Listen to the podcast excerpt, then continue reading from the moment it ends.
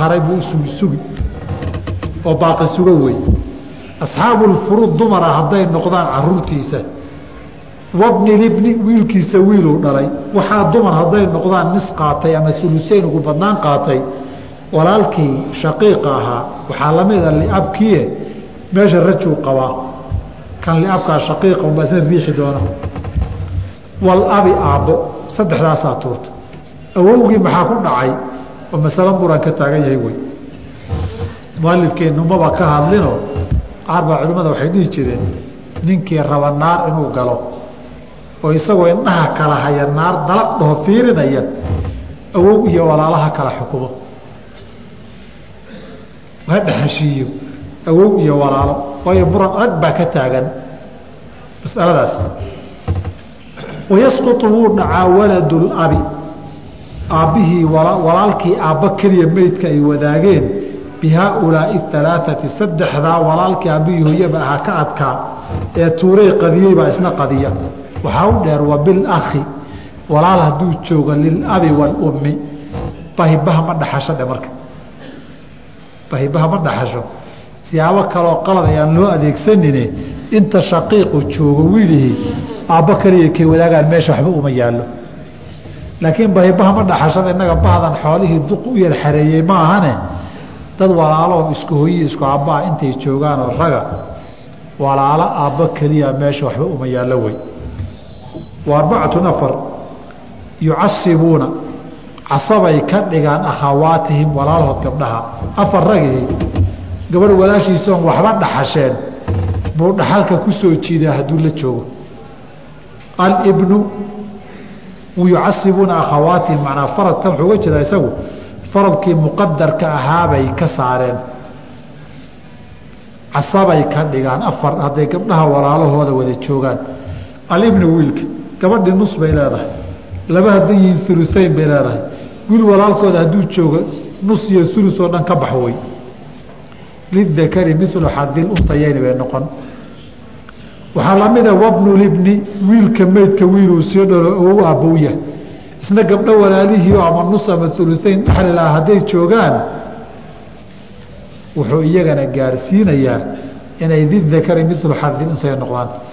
Walahu min alabi wاlummi akhi shaqiiq ahaa gabadh walaashii keliya hadduu ka taga waa nus baa nidhi. Laba keliya hadday waa ulusayn wiil walaalkooda hadduu la joogana waa lidakari milu xadiunsayayni wاlأhu min alabi isna sidoo kaleeto walaalkii aba keliya wadaageen wa arbacatu afar ragihii yarisuuna way dhaxlaan duuna akhawaatihim gabdhaha walaalahooda waxama dhexlaan afar ragaa wax dhexli gabadhii walaashii haydoo joogtana dhaxalka waxba kuma laha wahum iyagu alacmaamu adeerada wey adeerku dhaxalka waxuu ku leeyahay haddii wax ka sokeeya la waayo laakiin eedadu waxba kuma laho dawul arxaam wey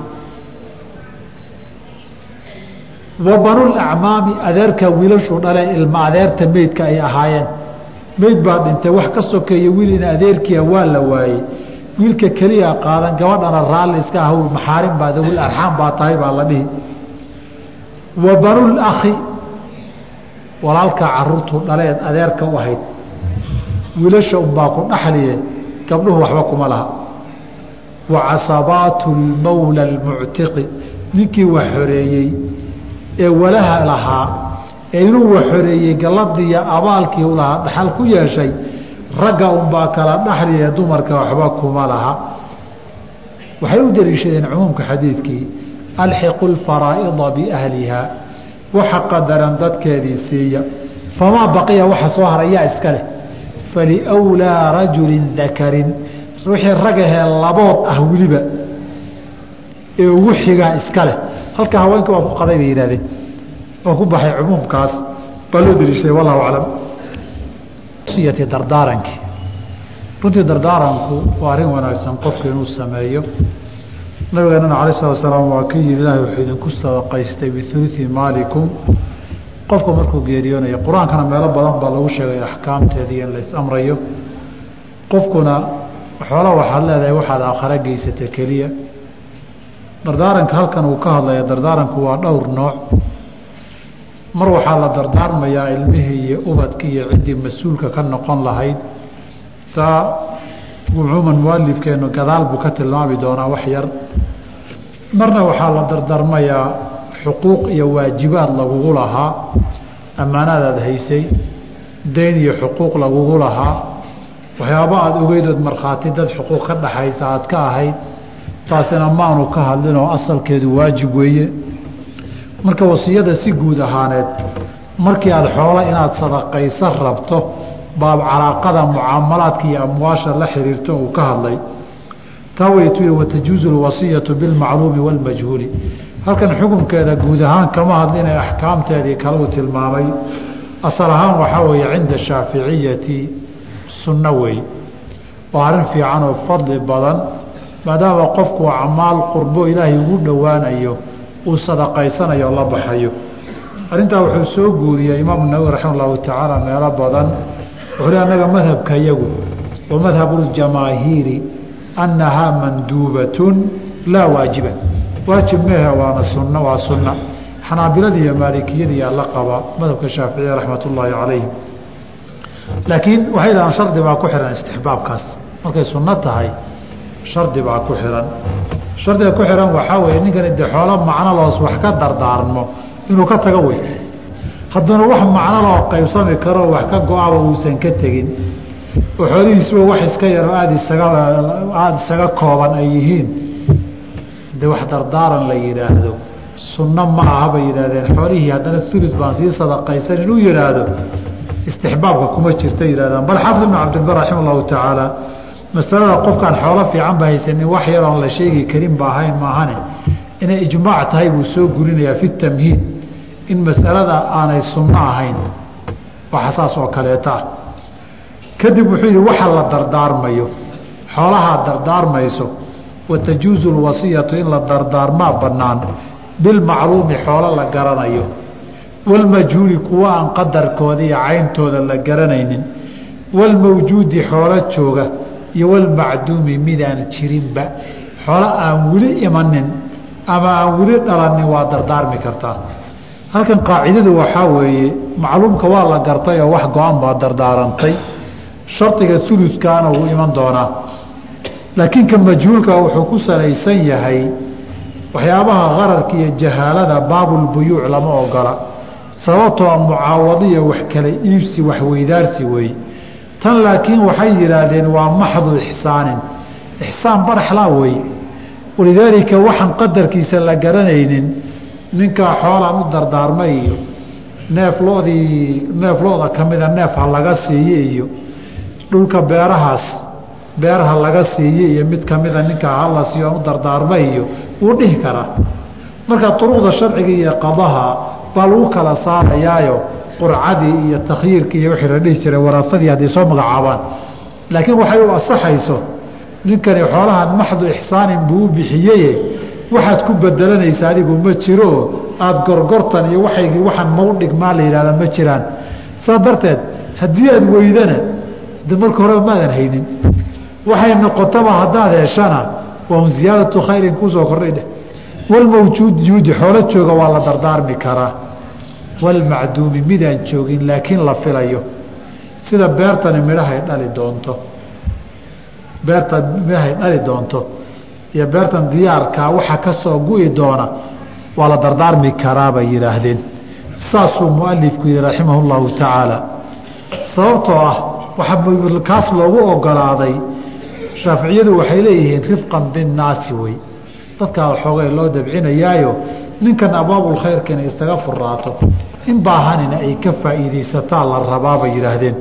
Waana madhab jamhuur ahlilcilmi ay qabaan oo shaaficiyada aan khaas ku ahayne maalikiyada iyo xanaabiladu la qabaan. Laakiin waxay dhahdeen shardi waxaa ah waxaas macduumka ah ee la dardaarmayo an yakuuna qaabilan litamliiki wax la bixin kara waa inuu yahay sharcan sida miraha beerta oo kaleeto. Miraha beerta ganacsi baa lagu geli karaa oo musaaqaad baan soo marnay.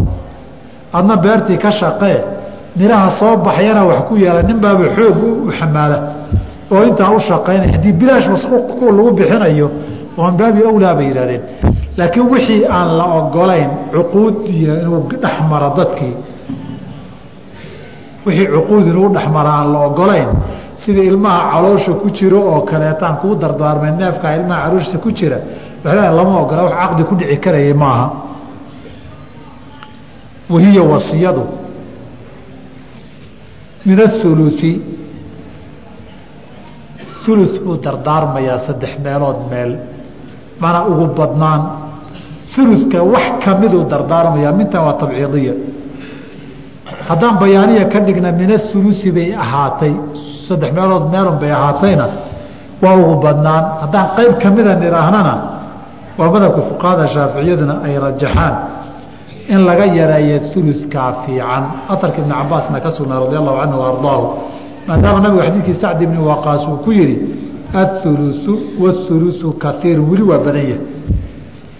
Maadaama uludku waa badan yahay nabig al slaam ibnu cabaas waa kileh low ada الnaasu ilى اrubuci hadday afar meelood meel hoos ugu soo dhigi lahaayeen way fiicnaan lahayd haddana laakiin ugu badnaan intaa haysta waa ulu saddex meelood meel fain zaada hadduu ka badiyo wuqifa waa la istaajinayaa calaa ijaazati اlwarahati dadka dhaxalka leh inay ogolaadaan haddii uu qofkii ulus ka badan dardaarmo ulukii waa loo ogol yahay waa in la fuliyaa. Intaan la dhaxlin oo min bacdi wasiyatin yuusii bihaa aw deynin la dhaho. Wixii ulus ka badanna dadkii dhaxalka lahaa hadday dad wada tasaruf iyo idan bixin karoo wada qaangaar oo wada rashiida ay yihiin iyagaa la weydiin. Raalli ma ka tihiin baa la dhihi mise kama tihiin. Arrintaa waxaa loo daliishaday qisada sacdi bni abi waqaas baa waxaa ku cad in sababta ulus looga dhigay waxa ka badanna loo diiday xaqa warasada dhaxal kale inay tahay. Xaqa maaliga ee qofku uu leeyahayna sharcan uu ka tanaasuli karaayo qofuu ku wareejin karaa.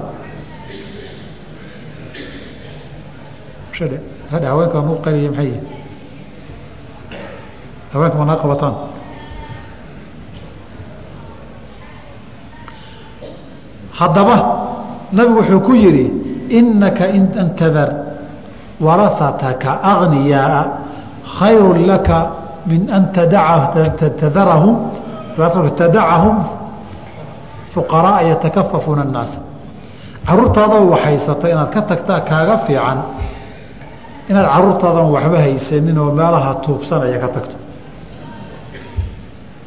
Halka wuxuu tilmaamay waxa arintan loo leeyahay dardaaranka xoolihii hawada dardaarmin carruurta iyo dadka dhaxal kalaa loo danaynaya iyagaba xaqooda hadday ka tanaasulaan saasay culimmadu u yihahdeen xaq bay uleeyihiin waana sida jamaahiiru ahli cilmi ay qabaan weeye halka laba masalaa ka dhalata yidhaahdaan hadday ninkii meydka ninkan dhintay markuu noolaa uu warasadii iyo dhaxalka dadkii lahaa weydiisto uu yidhaahdaa waxoogay uludkii ka badan maan rabaa inaan dardaarmee seed aragtaanoo waxba kama qabna ay dhahaan. Markii meydkii dhintana ay yidhahdaan arrintaa kuma jirno. Oon ka noqona hadday yidhaahdaan maxaa la samayn madhabku waxaa weeye saxiixi. Waxaa la tixgelinayaa ka noqoshadooda waa la tixgelinayaa sababtoo markii ay lahaayeen waan ogol lahay laba arrimoodba way dhacdaa sida qaadi shureyx uu leeyahayna dadku ninkii intuu isagoo xanuunsan oo sakaraada dhex nool yahay way ka yar xishoonayaan. Laakiin hadday ciidda intay ku rogaan gacmaha dhabaan dhabaan nin walba markaasuu xaquu leeyahay iyo muxuu bixiyaa muxuu ilaashadaa ka fikiraa marka marka dambuun baa tixgelin la yii marka hore raggu waa xishoonayeen midda labaad waxay leeyihiin marka hore way ogolaadeen kow. Laakiin waxay ogolaadeen in la bixiyaay waxaynan lahayn buu marka adu xoole in la qaato haddaad ogolaato aadan lahaynoo ninkii maba dhimaninoo milka kuguma soo wareeginba. Nimankan waxaynan lahayn bay bixiyeen. Bixintii hadday ka noqdaan marka dambe meydku dhintay xoolaha ku soo wareegaan unbay ogolaansho iyo waxbixin samayn karaan sharcan. Oo ilaa nin wuxuusan lahayn bixiye bay ahayd ninkana inuu dhiman cidi war uma haynino inuu sakaraaday imisa intii sakaraaday ka kacday oo oroday xoolo nin leeyahay buu kala tashaday talay siiyeen. Laakiin xoole ay leeyihiin ay bixiyeen. Oo bixin iyo cataa ka asaxay ma jire. Hadday haddaw yihaahdaan annaga nagama gubato. Waxaa wey nagama gubatadaa socon. Masalada labaad ee la xiriirta halkan waxaa tiri dhaxalka waxaa loo yeereeyey waratada dartood iyagu hadday ka badan ogolaadaan uluna waa la ogol yahay. Ninka hadduusan warasaba ka teginna nin baa dhintay wax dhaxali oo iska tegeyba ma laha. Ninkan waa soo islaamay dadkoodii gaalo weeye. Ama meel cidlaa laga soo helay kolleeji iyo waxbuu isaga soo koray. Xooluu ka xooluu ka dhimanaya xaas ma jiro carruur ma jirto wax dhaxlayaa ma laha. Xoolahaas dardaarankiisa ulu ma wada dardaarmi karaa? Asaxiixu madhabku iyo jamhuuru ahli lcilmi sida ay qabaan maya ulu kama badin karo. Ama wuu badin karaayoo wuu wada bixin karaa. Ibnu mascuud aarka laga wariyo ma asixinoo waxay dhaheen abu isxaaq isabiici baa cancana ku wariyo mudalisa nin mudalis la yihahda hadduu cancan yihaahdana warkaaga ma cadda inaad maqashayna ma hubnee habeen xaawa guran mayna warkaaga soo cadee baa la dhahaa. Sidaasaa ku dhacday abu isxaaq aarkaasi marka fuqahada ku daliishanaysa aarkaasi isagan aar daciifa wey walaa tajuuzu lwasiyatu ma banaana liwaariin qof dhaxalka wax ku leh ilaa an yujiizahaa inay ogolaadaan baaqi lwaraati dadka dhaxal inta soo hartay ma ahane. Intii soo hartay inay ogolaadaan maahane nin qof dhaxalka wax ku leh looma dardaarmi karo. Waana xadiidkii xasanka ahaaye in allaha acطaa kula dii xaqin xaqahu falaa wasiyata liwaariin qof dhaxalka wax ku looma dardaarmi karo. Si qofkan dardaarmaya jawri iyo dulmi intuu sameeyo uusan dadkii dhaxalka lahaa ugu kala badinin. Ilan qaar buu gaal dardaarmi uu yar jecel yahay siday kuwa kale wax uga badsadaan arrintaasina ijmaaca waxaa soo guuriyey imaamu shaafici fi lum. Wuxuu lehi lam aclam minman madaa min ahli اlcilmi ikhtalafuu fiih. Ma ma ogin bui weli mana arag culimmadii inaga horeysay oo masaladaa isku khilaaftay. Waxaa sidoo kale soo guriyay ibnu qudaama fi lmuqni ibn اmundir fi ijmaac ibnu cabdilbar kitaabkiisa ijmaac ibnu teymiya fi fataawa iyo keyrkoodba waxay soo guurinayaan masaladaas qof dhaxalka wax kule inaan loo dardaarmi karin inay ijmaac tahay dardaarankaana aanu waxba ka jirin. Ilaah one centim ugu dardaarme. Haddayna dhaxalka dadkii lahadla lahaa ee kale aanay ogolaanin. Watasixu lwasiyatu dardaaranku wuu asaxaa. Qofka dardaarmi kara waayo muxuu xoolaha uu dardaarmaya qadarkoodu watasixu lwasiyatu dardaaranku wuu asaxaa min kulli baaliqin qof kastaoo qaangaara caaqilin oo caaqil oo wax kala garanaya. Ilmaha qaangaarka ah dardaarankiisu qofkii qaangaaray wuu asaxaa laakiin sabiga ma asaxo iyadoon la kala qaadin. Sabigan tamyiiz mumayiz miyaa mise ma aha aan la kala qaadin. Ilma aan qaangaar ahayn maadaama maalkiisii uusan tasaruf lahayn oo wilaaye isaga la maamulayo markuu noolaaba isagoo dhimanaya oo xataa xanuun u dheer yahay tasaruf inuusan yeelanin baa ka sii mudan bay yidhaahdeen. Waxaa kaloo yidhahdeen isagoo ilmo sabiaho aakhare xisaab loo qabsanba kama horeysee wuxuu xoolo u bixin oo aakhare ajir uga sii dooni muxuuba ka cabsan bay dheheen waaba sabio meesha maxaa yaalla? Khadamu ahli ljannati soo nabigu ma dhihin daraali lmuslimiina carruurta yarka muslimiintaas waa khadamu ahli ljannati nabigu ma dhihin alayh salatu asalaam xadiid turuq badan leh. Qolaa waxay yidhahdeen yaho maya. Ilmaha sabiga ah hadduu waxoogay mumayis wax kala garanaya yahay waa loogu yeeri jiray cibaadaadka iyo khayraadka iyo salaada iyo soonka iyo waxyaabaha badanba. Tanna tiibay ka mid tahay. Amaa xoolaha waxaa looga celinaya markuu caafimaad qabay isaga maslaxadiisay ahayd haddii uuba dhimanayana maslaxad ugu sii jirta oo xoola dunida ku haray isaga dana ugu sii jirto loogu sii ilaaliyo meesha ma wataala ninka fasaxa yihahdeen fuliska u ogolaada sida dad kale alaa kulli xaal shaaficiyadu ma ogola. Xanaabilada iyo xanafiyada in rag kalaa la qabo fuqaha kale. Caaqilin tan waa itifaaq ninkun majnuunka inuusa wax dardaarana ka asixin nin miyir la-na dardaaran kama asaxo ninka majnuunkihi ee laga hadlayo waa majnuun aan ku dambaabin ama jin baa ku dhacay ama xanuun kale oo maskaxdii isku dhex yacday baa ku dhacay ama waxaanun ogeynoo uu cabbay buu ku waashay iyo waxyaabaha lamidka ah. Laakiin ninka maandooriyaha cunay ee xashiishadda soo cabbay ama sida xashiishadda loo isticmaalo ee kala duwan xashiishadda qaarna sankay ku jidana fiif bay dhahaan. Qaarna irbad ahaan bay isugu duraan. Qaarna sigaar ahaan bay u cabbaan. Midkay dooniba ha noqotee nin darooga iyo xashiishadii kokawin iyo herowin iyo cunay. Ama intuu qaad ka dhargay marduufiyo sidii iyagoo kabala aan kariyaa ko siddeetan iyo sideediiyo ka soo qaban jirnay qaarba maalta arkay iyagoo kabala aan kariyaa ko ka soo qabanay dhowr iyo siddeetankii. Iyagoo kabala oo shaati iyo funaanad macawis iyo funaanad garana qaba oo ibrii qabato intuu qol ka soo baxay weli musqushii u sii socda musqusha meesha wilistaree laga doonee kariyaa ko laga daydayayi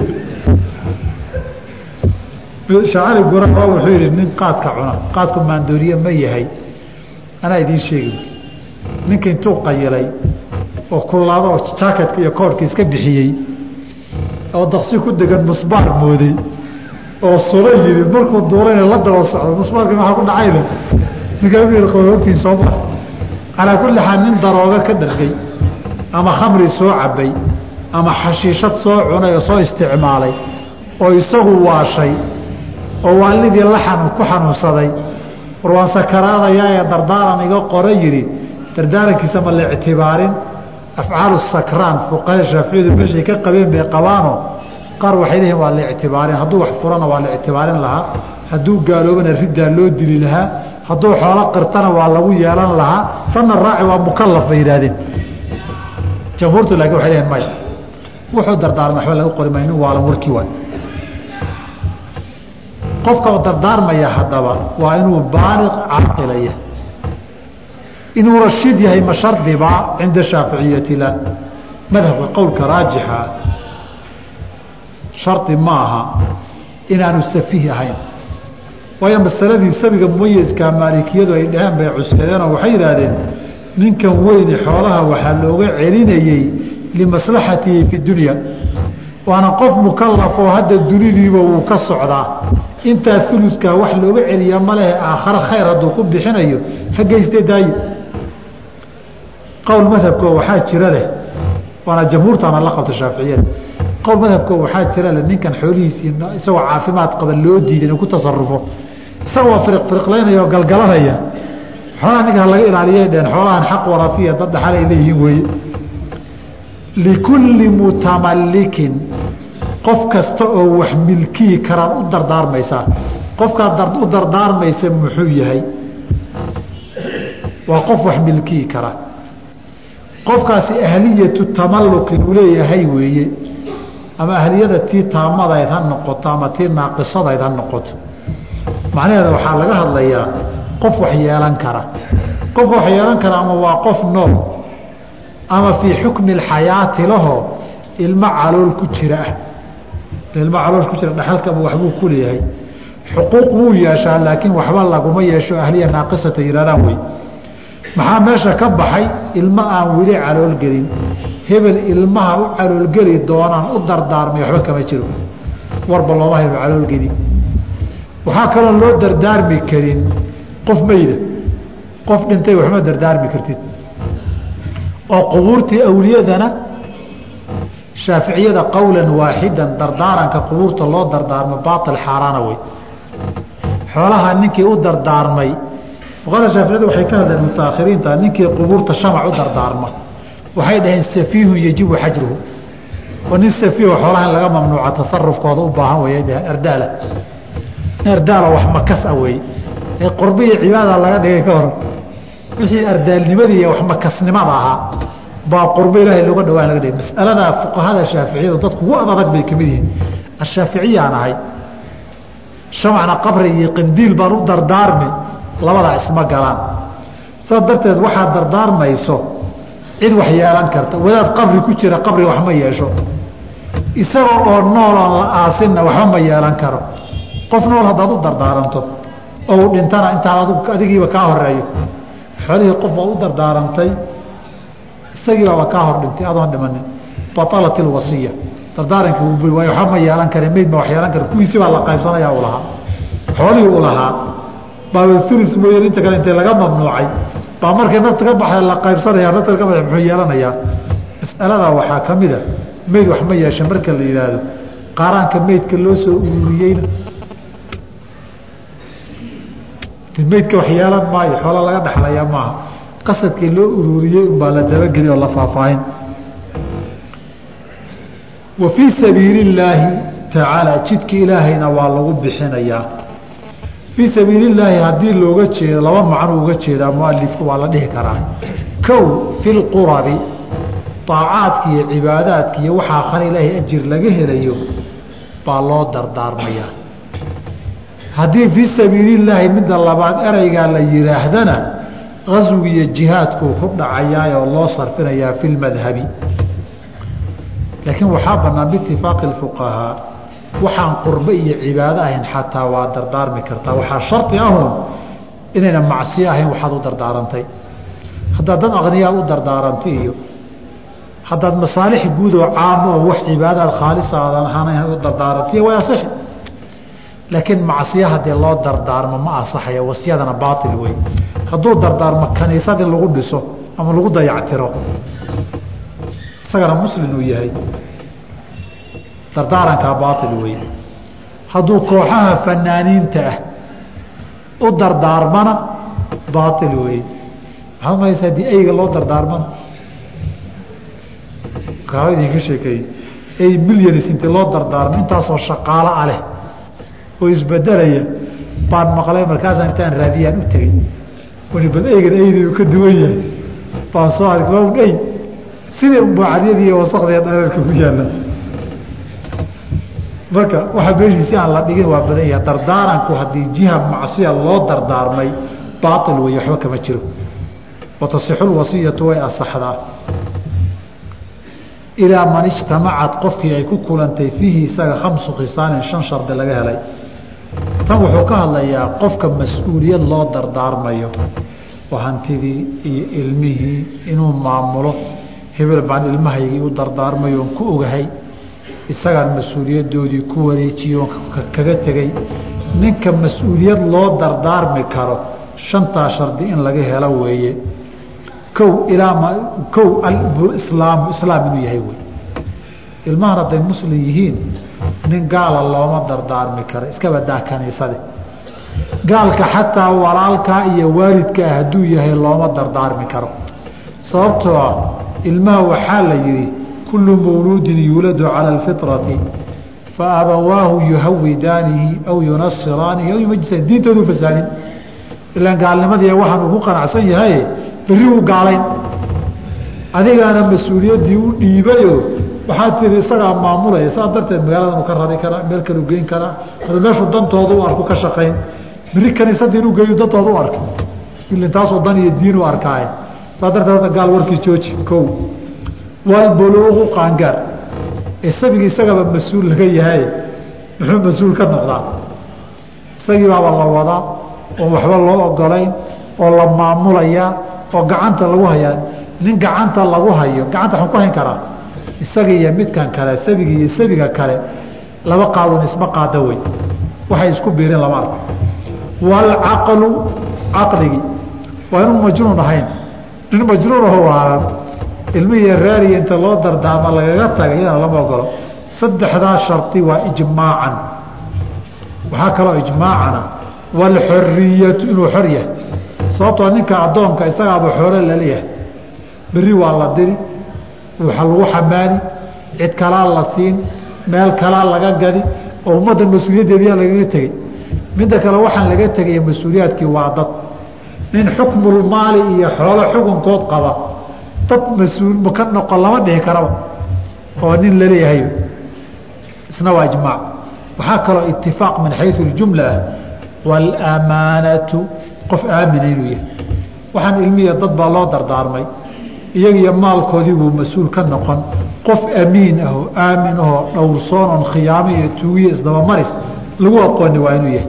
Qadarka ammaanada maalka ah ilaa xad fuqahadu waa itifaaq qola waxay soo guuriyaan riwaaya can ilimaami axmeda oo uu leeyahay laga qaadi maaye waxaa lagu lamaanay nin aamina. Keligiinisoo ku filayn maarata marka.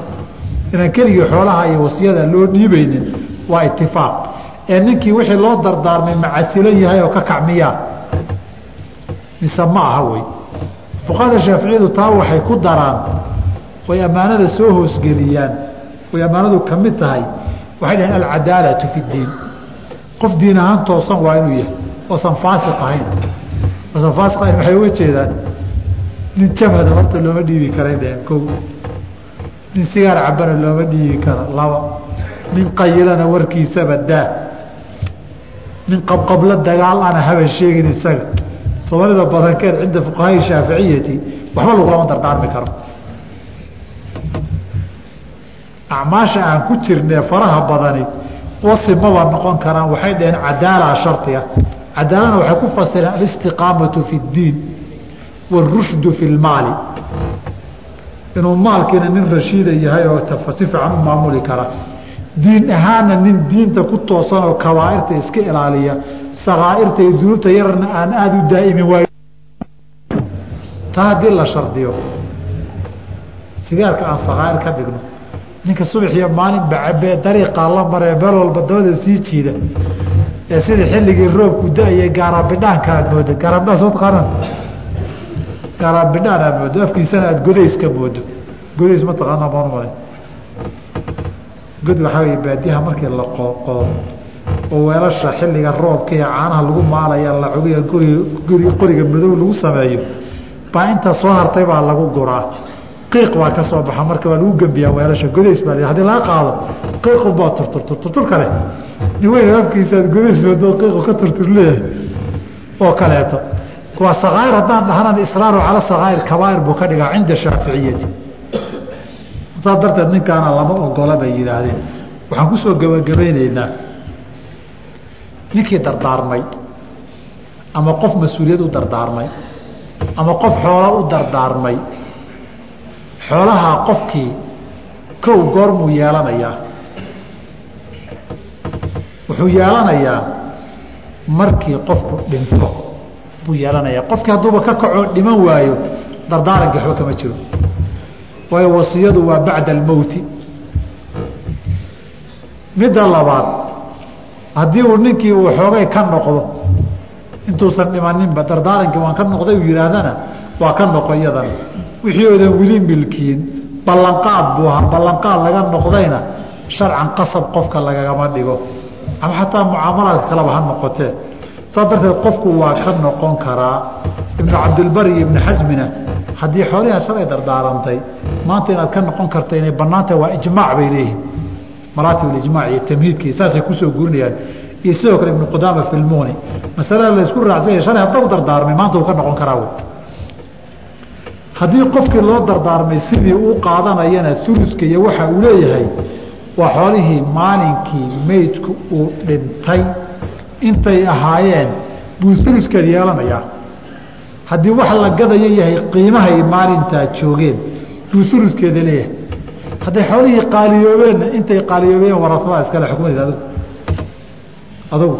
Waxba kumalihin wixii labcanya lagu dardaarmay waa gaar ulus ninka hala siiya haddii la yidhi laakiin maalin ku dhintay uluskeedaad leedahay hadday maalintaa lagu siini sanad ka soo wareegto xoolihii bataano maalinkii uluskeedaad leedahay haddii kale dayn bay ahayd daynna ma shaqayso dayn ma taranto baab ribaa bay geli halkaasaan ku daynaynaa wallahu aclam subxaanaka allah bxamdik ashhadu الرحمن الرحيم الحمد لله رب العالمين وصلى الله وسلم على رسوله الأمين وعلى آله وأصحابه أجمعين ومن تبعهم بإحسان إلى يوم الدين أما بعد waxaan soo gaarnay rubcii saddexaad ee kitaabka markaynu rubci cibaadaadka iyo rubcii mucaamalaadka iyo tawaabicdiisii aynu soo dhammaynay waxaynu soo gaarnay qaybtii nikaaxa iyo guurka iyo qoyska iyo axkaamtiisa la xiriirtay oo mualifku yidhi kitaabu nikaaxi. Kitaabkani waxa uu ku saabsan yahay nikaaxa iyo guurka wamaa yatacallaqu bihi iyo wixii la xidhiira oo min alaxkaami axkaam kala duwan ah iyo walqadaayaa xaalado iyagana kala duwan oo soo maraya. Masalada guurku waa masalada lafdhabarka taranka aadamaha waana wax daboolaya wax baahida asaasiga aadamaha ka mid a. Culimmadu waxay yidhahdeen munaasabada rubuuculnikaax loo keenay darajada saddexaad. In cibaadaadka laga bilaabayo asaas waxay u tahay waa waxa ugu weyn ee qofka aadamaha ifka loogu abuuray oo rabbi cibaadadiisa inuu xaqiijiyo ah saa darteed muhimadda ugu weyneen dunida ugu abuurannahay een u joogno waa ilaahay inaan caabudno. Haddaba cibaadadii qeybtii camaliga ahayd ee lala imanaya ee falka lahayd baa la hormariyey oo xiriirka qofka aadamihiiyo rabbigiiya subxaanah qeybta labaad ee mucaamalaadka nikaaxa ka muhiimsano nikaaxa baahidiisu gadaal bay ka timaadaa. Laakiin aadamuhu goortuu hooyadii caloosheeda galo wax hooyadu ay cuntay oo uu biisho cunuu u baahan yahay markii uu dhashana inuu caano ka nuugu u baahan yahay hooyadiina si ilmuhu ugu noolaado inay wax cuntay u baahan tahay. Cuntadana asaas waxaa u ah qofka bini aadamka waxay asaas u tahay nolosha bini aadamka dunida uu ku noolyahay noloshii jiritaankeedu haddaba in la shaqeeyo la raadiyo wax la cuniyo wax la cabo la daydayo oo qaabkii mucaamaladii xiriirkii dadka dhex marayay uu yimaado baa darajada labaad ee xigta ah qof wax cunay ama caloosha wax ugu jiro oo weynaaday baa wakhtigaa dareen iyo shahwo gaadha guurku haddaba waa adigoo weynaaday oo dharna qaba waxna cunay oo ku soo koray haddana caloosha wax kugu jiraan. Nabiganana calayhi salaatu wasalaam wuxuu tilmaamay laba inayna israacin calool baahan iyo dareen shahwo iyo damac guur isma raacaan. Markay labadaa yimaadaan horta baahida caloosha uun u dabooli lahayd baad marka hore u xaydxaydan goortii waxoogay caloosha waxgalaan ay miyirsato markaasuu qofku haleera fiirisiiyo hadda maxaa talaa markaasuu bilaabi. Waana xadiidka uu nabigu leeyahay man istaطaaca minkum ulbaa'ata falyatasawaj ninkii guur ka bixi kara ee kharashkiisa xamili kara ha guursado. waman lam yastaطic facalayhi bisawmi qofkaan awoodin inuu guursado ha soomo. Waayo markaad soonteed gaajooto calooshana ay marato fa innahu lahu wijaaun macnaa shahwadii baa guuraysa oo tegaysa marka nin caawa seexan waayey oo baahi la seexan waayey oo isrogay oo isrogay maxaad cuntaa iyo xaggeed wax ka raadisaa maahane bal xag guur iyo reer iyo damac isaga warkii umaba yaallo. Saa darteed markii aada aragto weynaatana markaasaa damac iyo dayday ku galaayo baahida naftae in la daboolo u baahan bay ka mid noqotaa. Sidaasay ku timid qadiya rubuca nikaaxa darajada saddexaad. Amaa jinaayaadka darajada afraad ama waa qof qaldamay ama waa qof kibray oo wax madax maray baa qof dad kale ku xadgudbo oo waxyeello geysto oo dhibaato geystay. Taasi waa dhib la xalinayee baahi naf oo la daboolayay saddexda kala wadaagaan. Marna waa baahi diineed marna waa baahidii adduunyadoo noloshii asaaskeedii ah.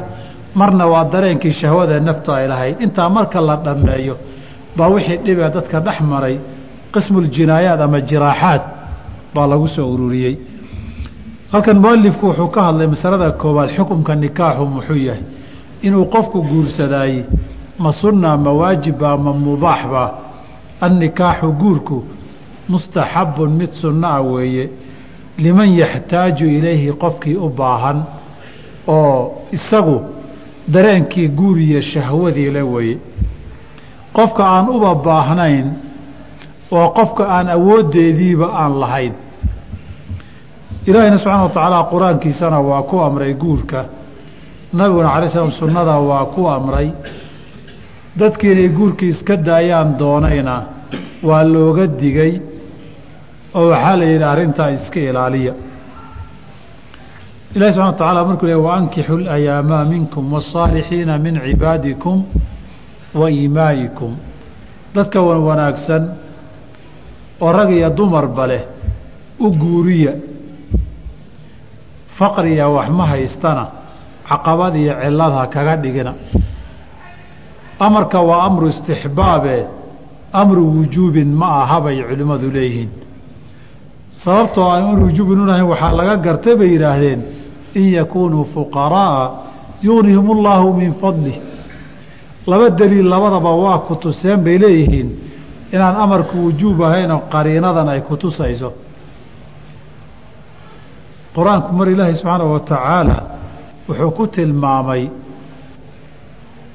qofku hadduusan guurka awoodin oosan qof xora guursan karin waana inoo iman doontaaye waxuun fudud inuu daydaydo raadsado waman lam yastaطic minkum طawla an yankixa almuxsanaati اlmu'minaati famimaa malakat aymaanukum haddii la waayana sida xilligeenna oo kaleeta addoon uusan jirinna xadiidkii ibnu mascuud baa imanoo man istaaaca minkum ulbaata falyataزawaj istiaacadaa lagu xihay ninkii awooda.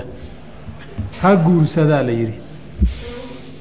Amaa faqrigan la yidhi xadiidkii mucaawi faatima binti qays baa isna kutusayo laba nin baa soo doontay. Nabigay la tashatay labadaba iska daabuu ku yidhi.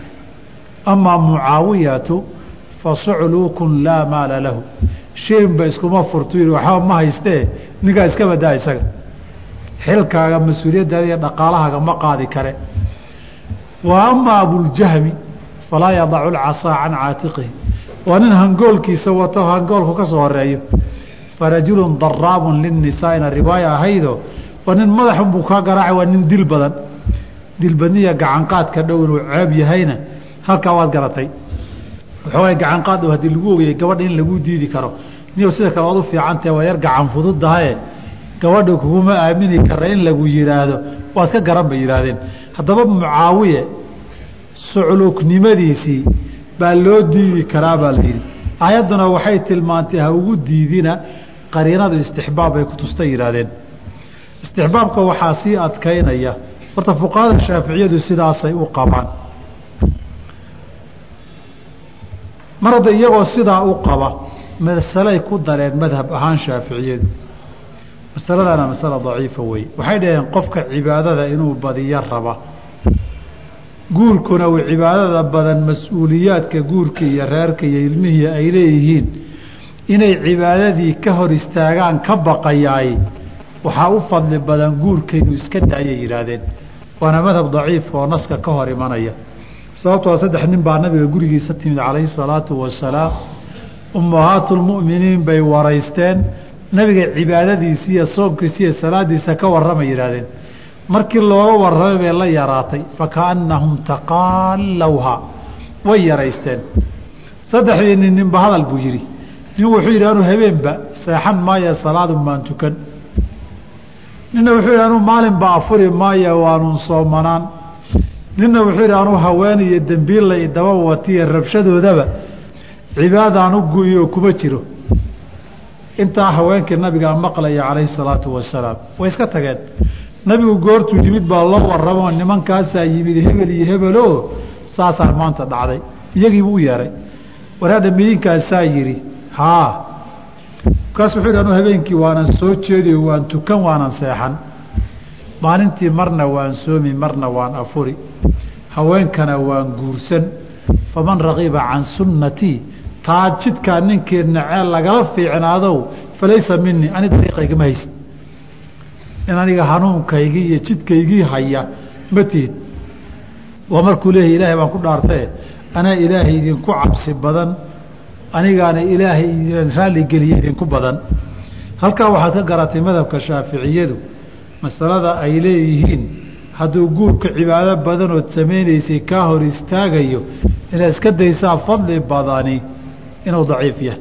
Mar kalena nabigu waa ku guubaabiyey calayhi salaatu wasalaam oo wuxuu yidhi ninkii ilaahay guur fiican siiyo diintiisa nuskeed baa u badbaaday. Int nuska kaluna ku dadaalo boqol kiiba konton waa kuu badbaadayoo shahawaatu nafsi iyo warwareeg iyo meela xun maritaan waa ka badbaaday. Xadiidkaasa waxay ku fasireen culimmada qaarkood. Waxay xadiidka xadiid fasirayaa jira nisfu diin marka la leeyahay. Dadkan ninkii laba ii damaanad qaada jannaan u damaanad qaadi buu nebigu alay salaam afkiisa maa bayna lixyeyhi wamaa bayna rijlayhi. Ninkii xaaraan inuu ka ilaaliyo afkiisa iyo farjigiisa ii ballanqaada jannaan u ballanqaadi haddaba haddii axsana markuu guursaday ixsaan weeye naftiisa hadduu xalaal ku badbaadiyey afkii unbaa u soo haray sowma qaarba waxay dhaheen taasaa looga jeedaayo?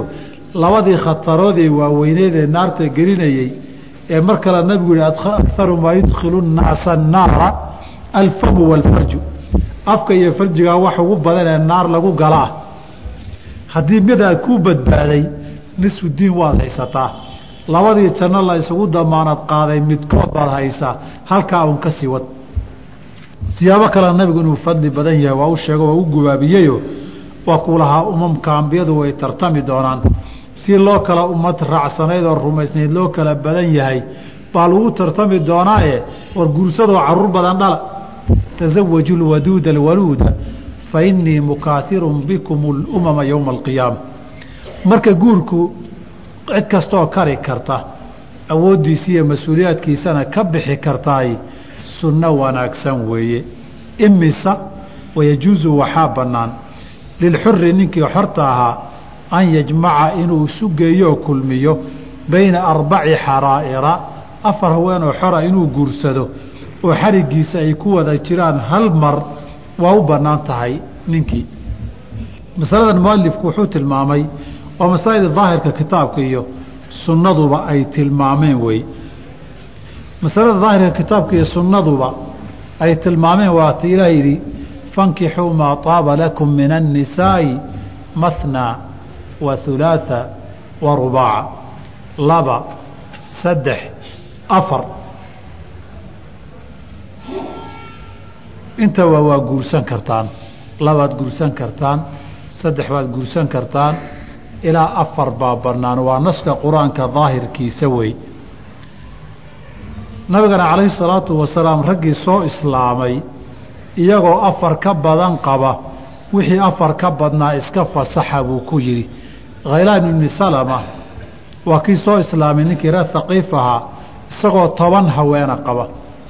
Tobankii haweenkahaydii uu qabay nebigu wuxuu yidhi af amsik arbacan afar xajiso wa faariq saa'irahunna inta kalena sii daa oo fasax yidhi. Nin kaloo saxaabada ka mid ahaa isna wuxuu soo islaamay isagoo sideed qaba. Sideeddii waxaa la yidhi ikhtar minhunna arbacan afar ka dooro. Inta kalena faraha ka qaadoo sii daa. Haddaba afar baa la ogol yahay ka badani ma jirto. Amaa nabiga calayhi salaatu wasalaam inuu geeriyooday isagoo sagaal qaba tani min khasaa'isihi weeye ijmaacan. Muslimiintu waa isku raacsan yihiin. Maadaama dadkii kalena daahirka qur'aanka iyo awaamirta nabiguba loo diiday afar wax ka badan wixii intaa ka dambeeya dadka muslimiintaa intaa ka badan uma banaana qolo sunnada nabiga lagu diray calayhi salaatu wasalaam oo nebi maxamed warkiisa raaca laga kari waayey oo kulehaba hadalka markay si kale u dhigaan ilaahay maxaa dad kale loogu daba wadaa waxunbaa ilaahay lagu daba wadaa wuxuu u jeedaa nabiga alai salatu wasalaam bay u jeedaan. Oo idinku aadinooma soo gaarinee dad dhif iyo naadira inaga galay haddaan soomaali nahay. Oo yidhi annagu qur'aankun baan rabnaaye hadalka nebi maxamed yeeli mayno. Diinna maaha. Xilli horena soo bilowdoo nabigu ishaaradooda horay u tilmaamay ou yidhi midkin yaanay isoo gaarin. Isagoo sariir isaga jiifa oo leh uu u yimanayo wax anigu aan amray amaan dadka ka reebay. Oo arrintu ka sii jeedsada odhanaya kitaabka ilaahay waxaan ka helna annagu qur'aankaanu raacayna horeyn imaamu siyuuti raximah allahu tacaala kitaabka uu uga qoray la yidhaahdo miftaaxu اljannati fi lixtijaaji bisunnati miftaaxu ljanna fi lاxtijaaji bisunna horay uga qoray qarnigii taariikhda hijriga horaantii qarnigii tobnaad.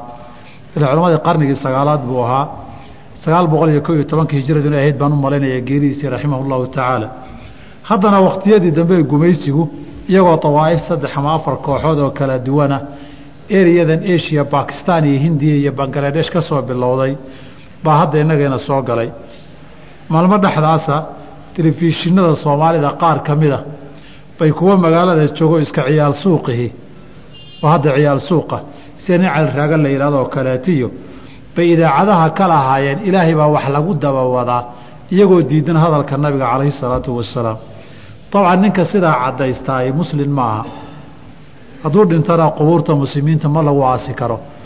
Qadiyadda ayaanay idiinka banin hadallo badan ma caddayn karaan muslimiinta markay dhex joogaan.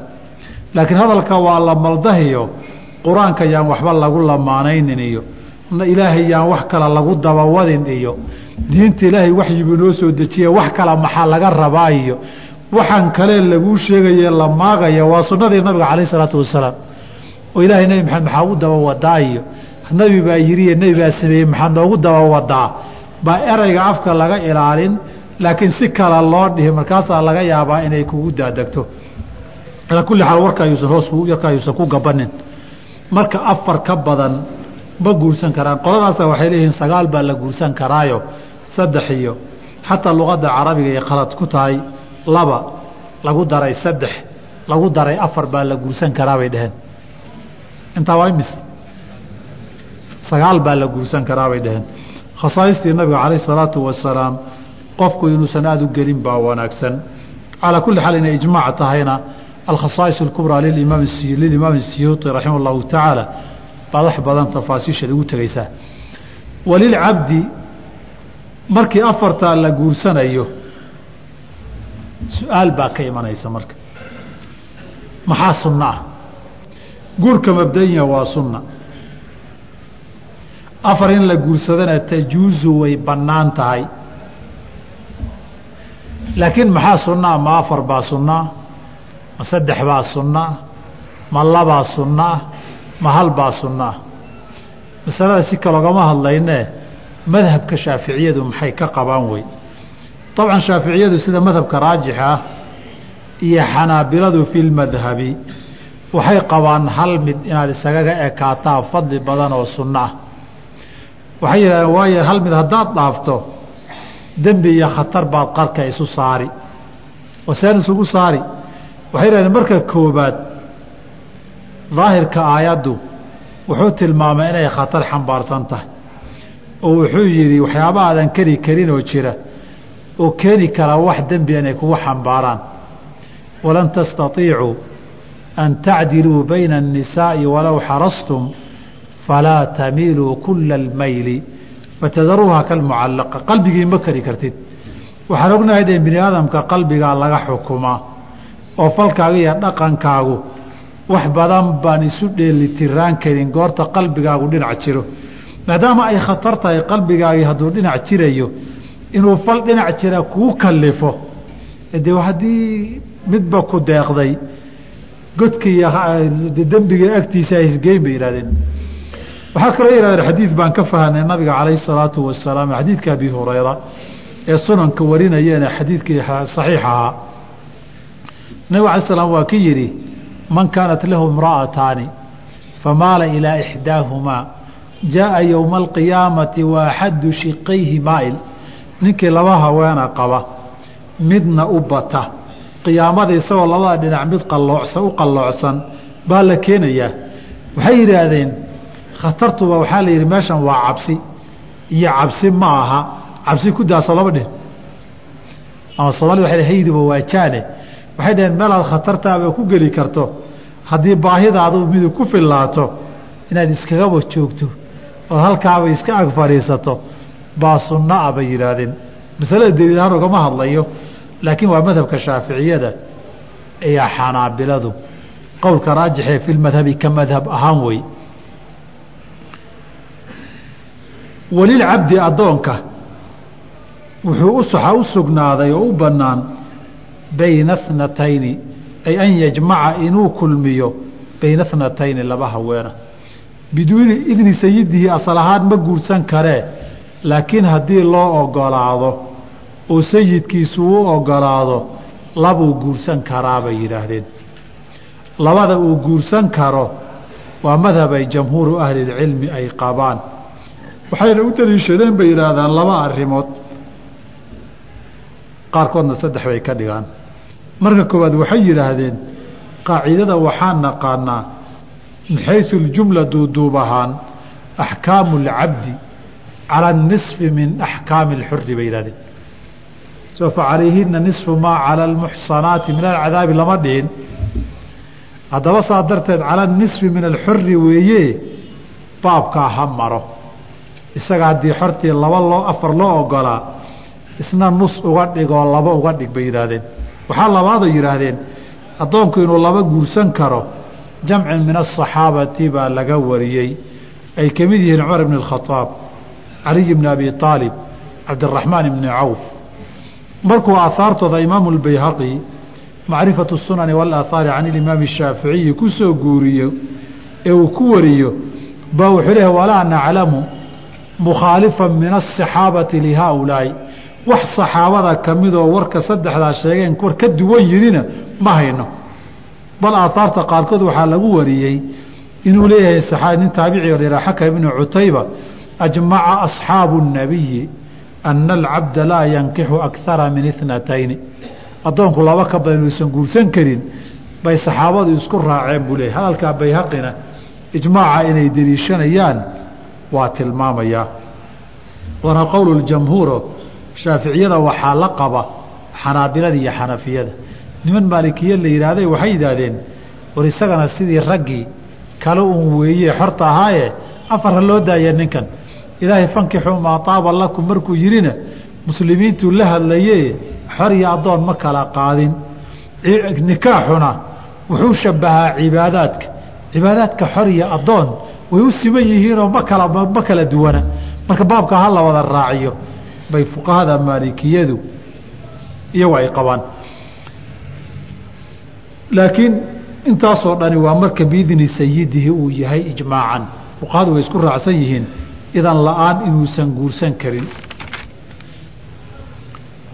Walaa yankixu mas'alada afraad ee baabka uu ku sheegay waxaa weeye walaa yankixu alxuru nin xora ma guursan karo amatan adoon ilaa bisharطayni laba shardi maahane laba shardi in la helo maahane ninka xorta iyo halka masaladan wuxuu rabaa inuu bilaabo xor iyo addoon ma isguursan karaan.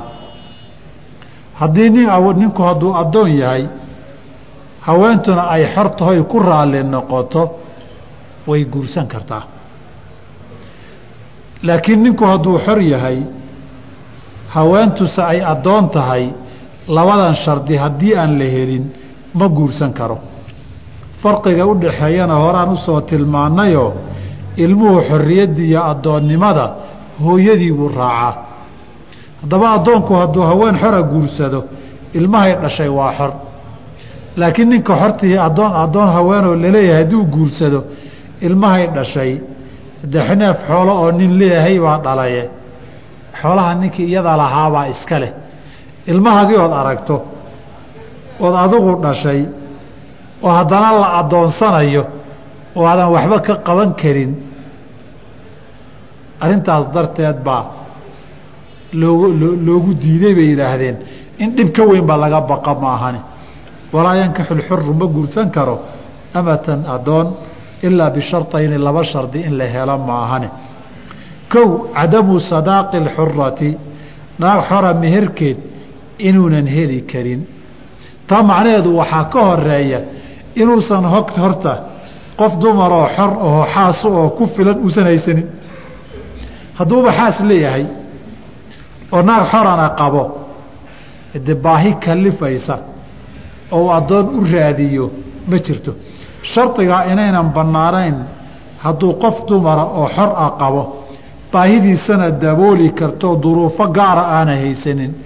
Shardigaa inayna markaa addoon uusan guursan karin waa biitifaaqi اfuqahaa'i wey laakiin shardiga sidan uu dhigay hadduu meherkii xorada waayo waa qowl اjamhuuri wa daahiru اqur'aani ilahi wuxu uhi waman lam yastaطic minkum طawla an yankixa اlmuxsanaati اlmu'minaati famima malakat aymaanukum min fatayaatikum اlmu'minaat qofkii aan awoodin oo idinka raggiina idinka mida inay meherkii iyo sadaaqii iyo kharashkii gabadh xora uu ku guursan lahaay oo muslimada ninkii waaya guurna u baahda ka maarmi waaya fa mimaa malakat aymaanukum addoommada aada leedihiine mu'minaadka ah buu guursanayaa iyada mid baan la ogolayn waxay dhahnaad ida ijtamacad fiiha alkhisataani laba khisle iyo tilmaamoodoo liita hadday haweenta isugu tagaan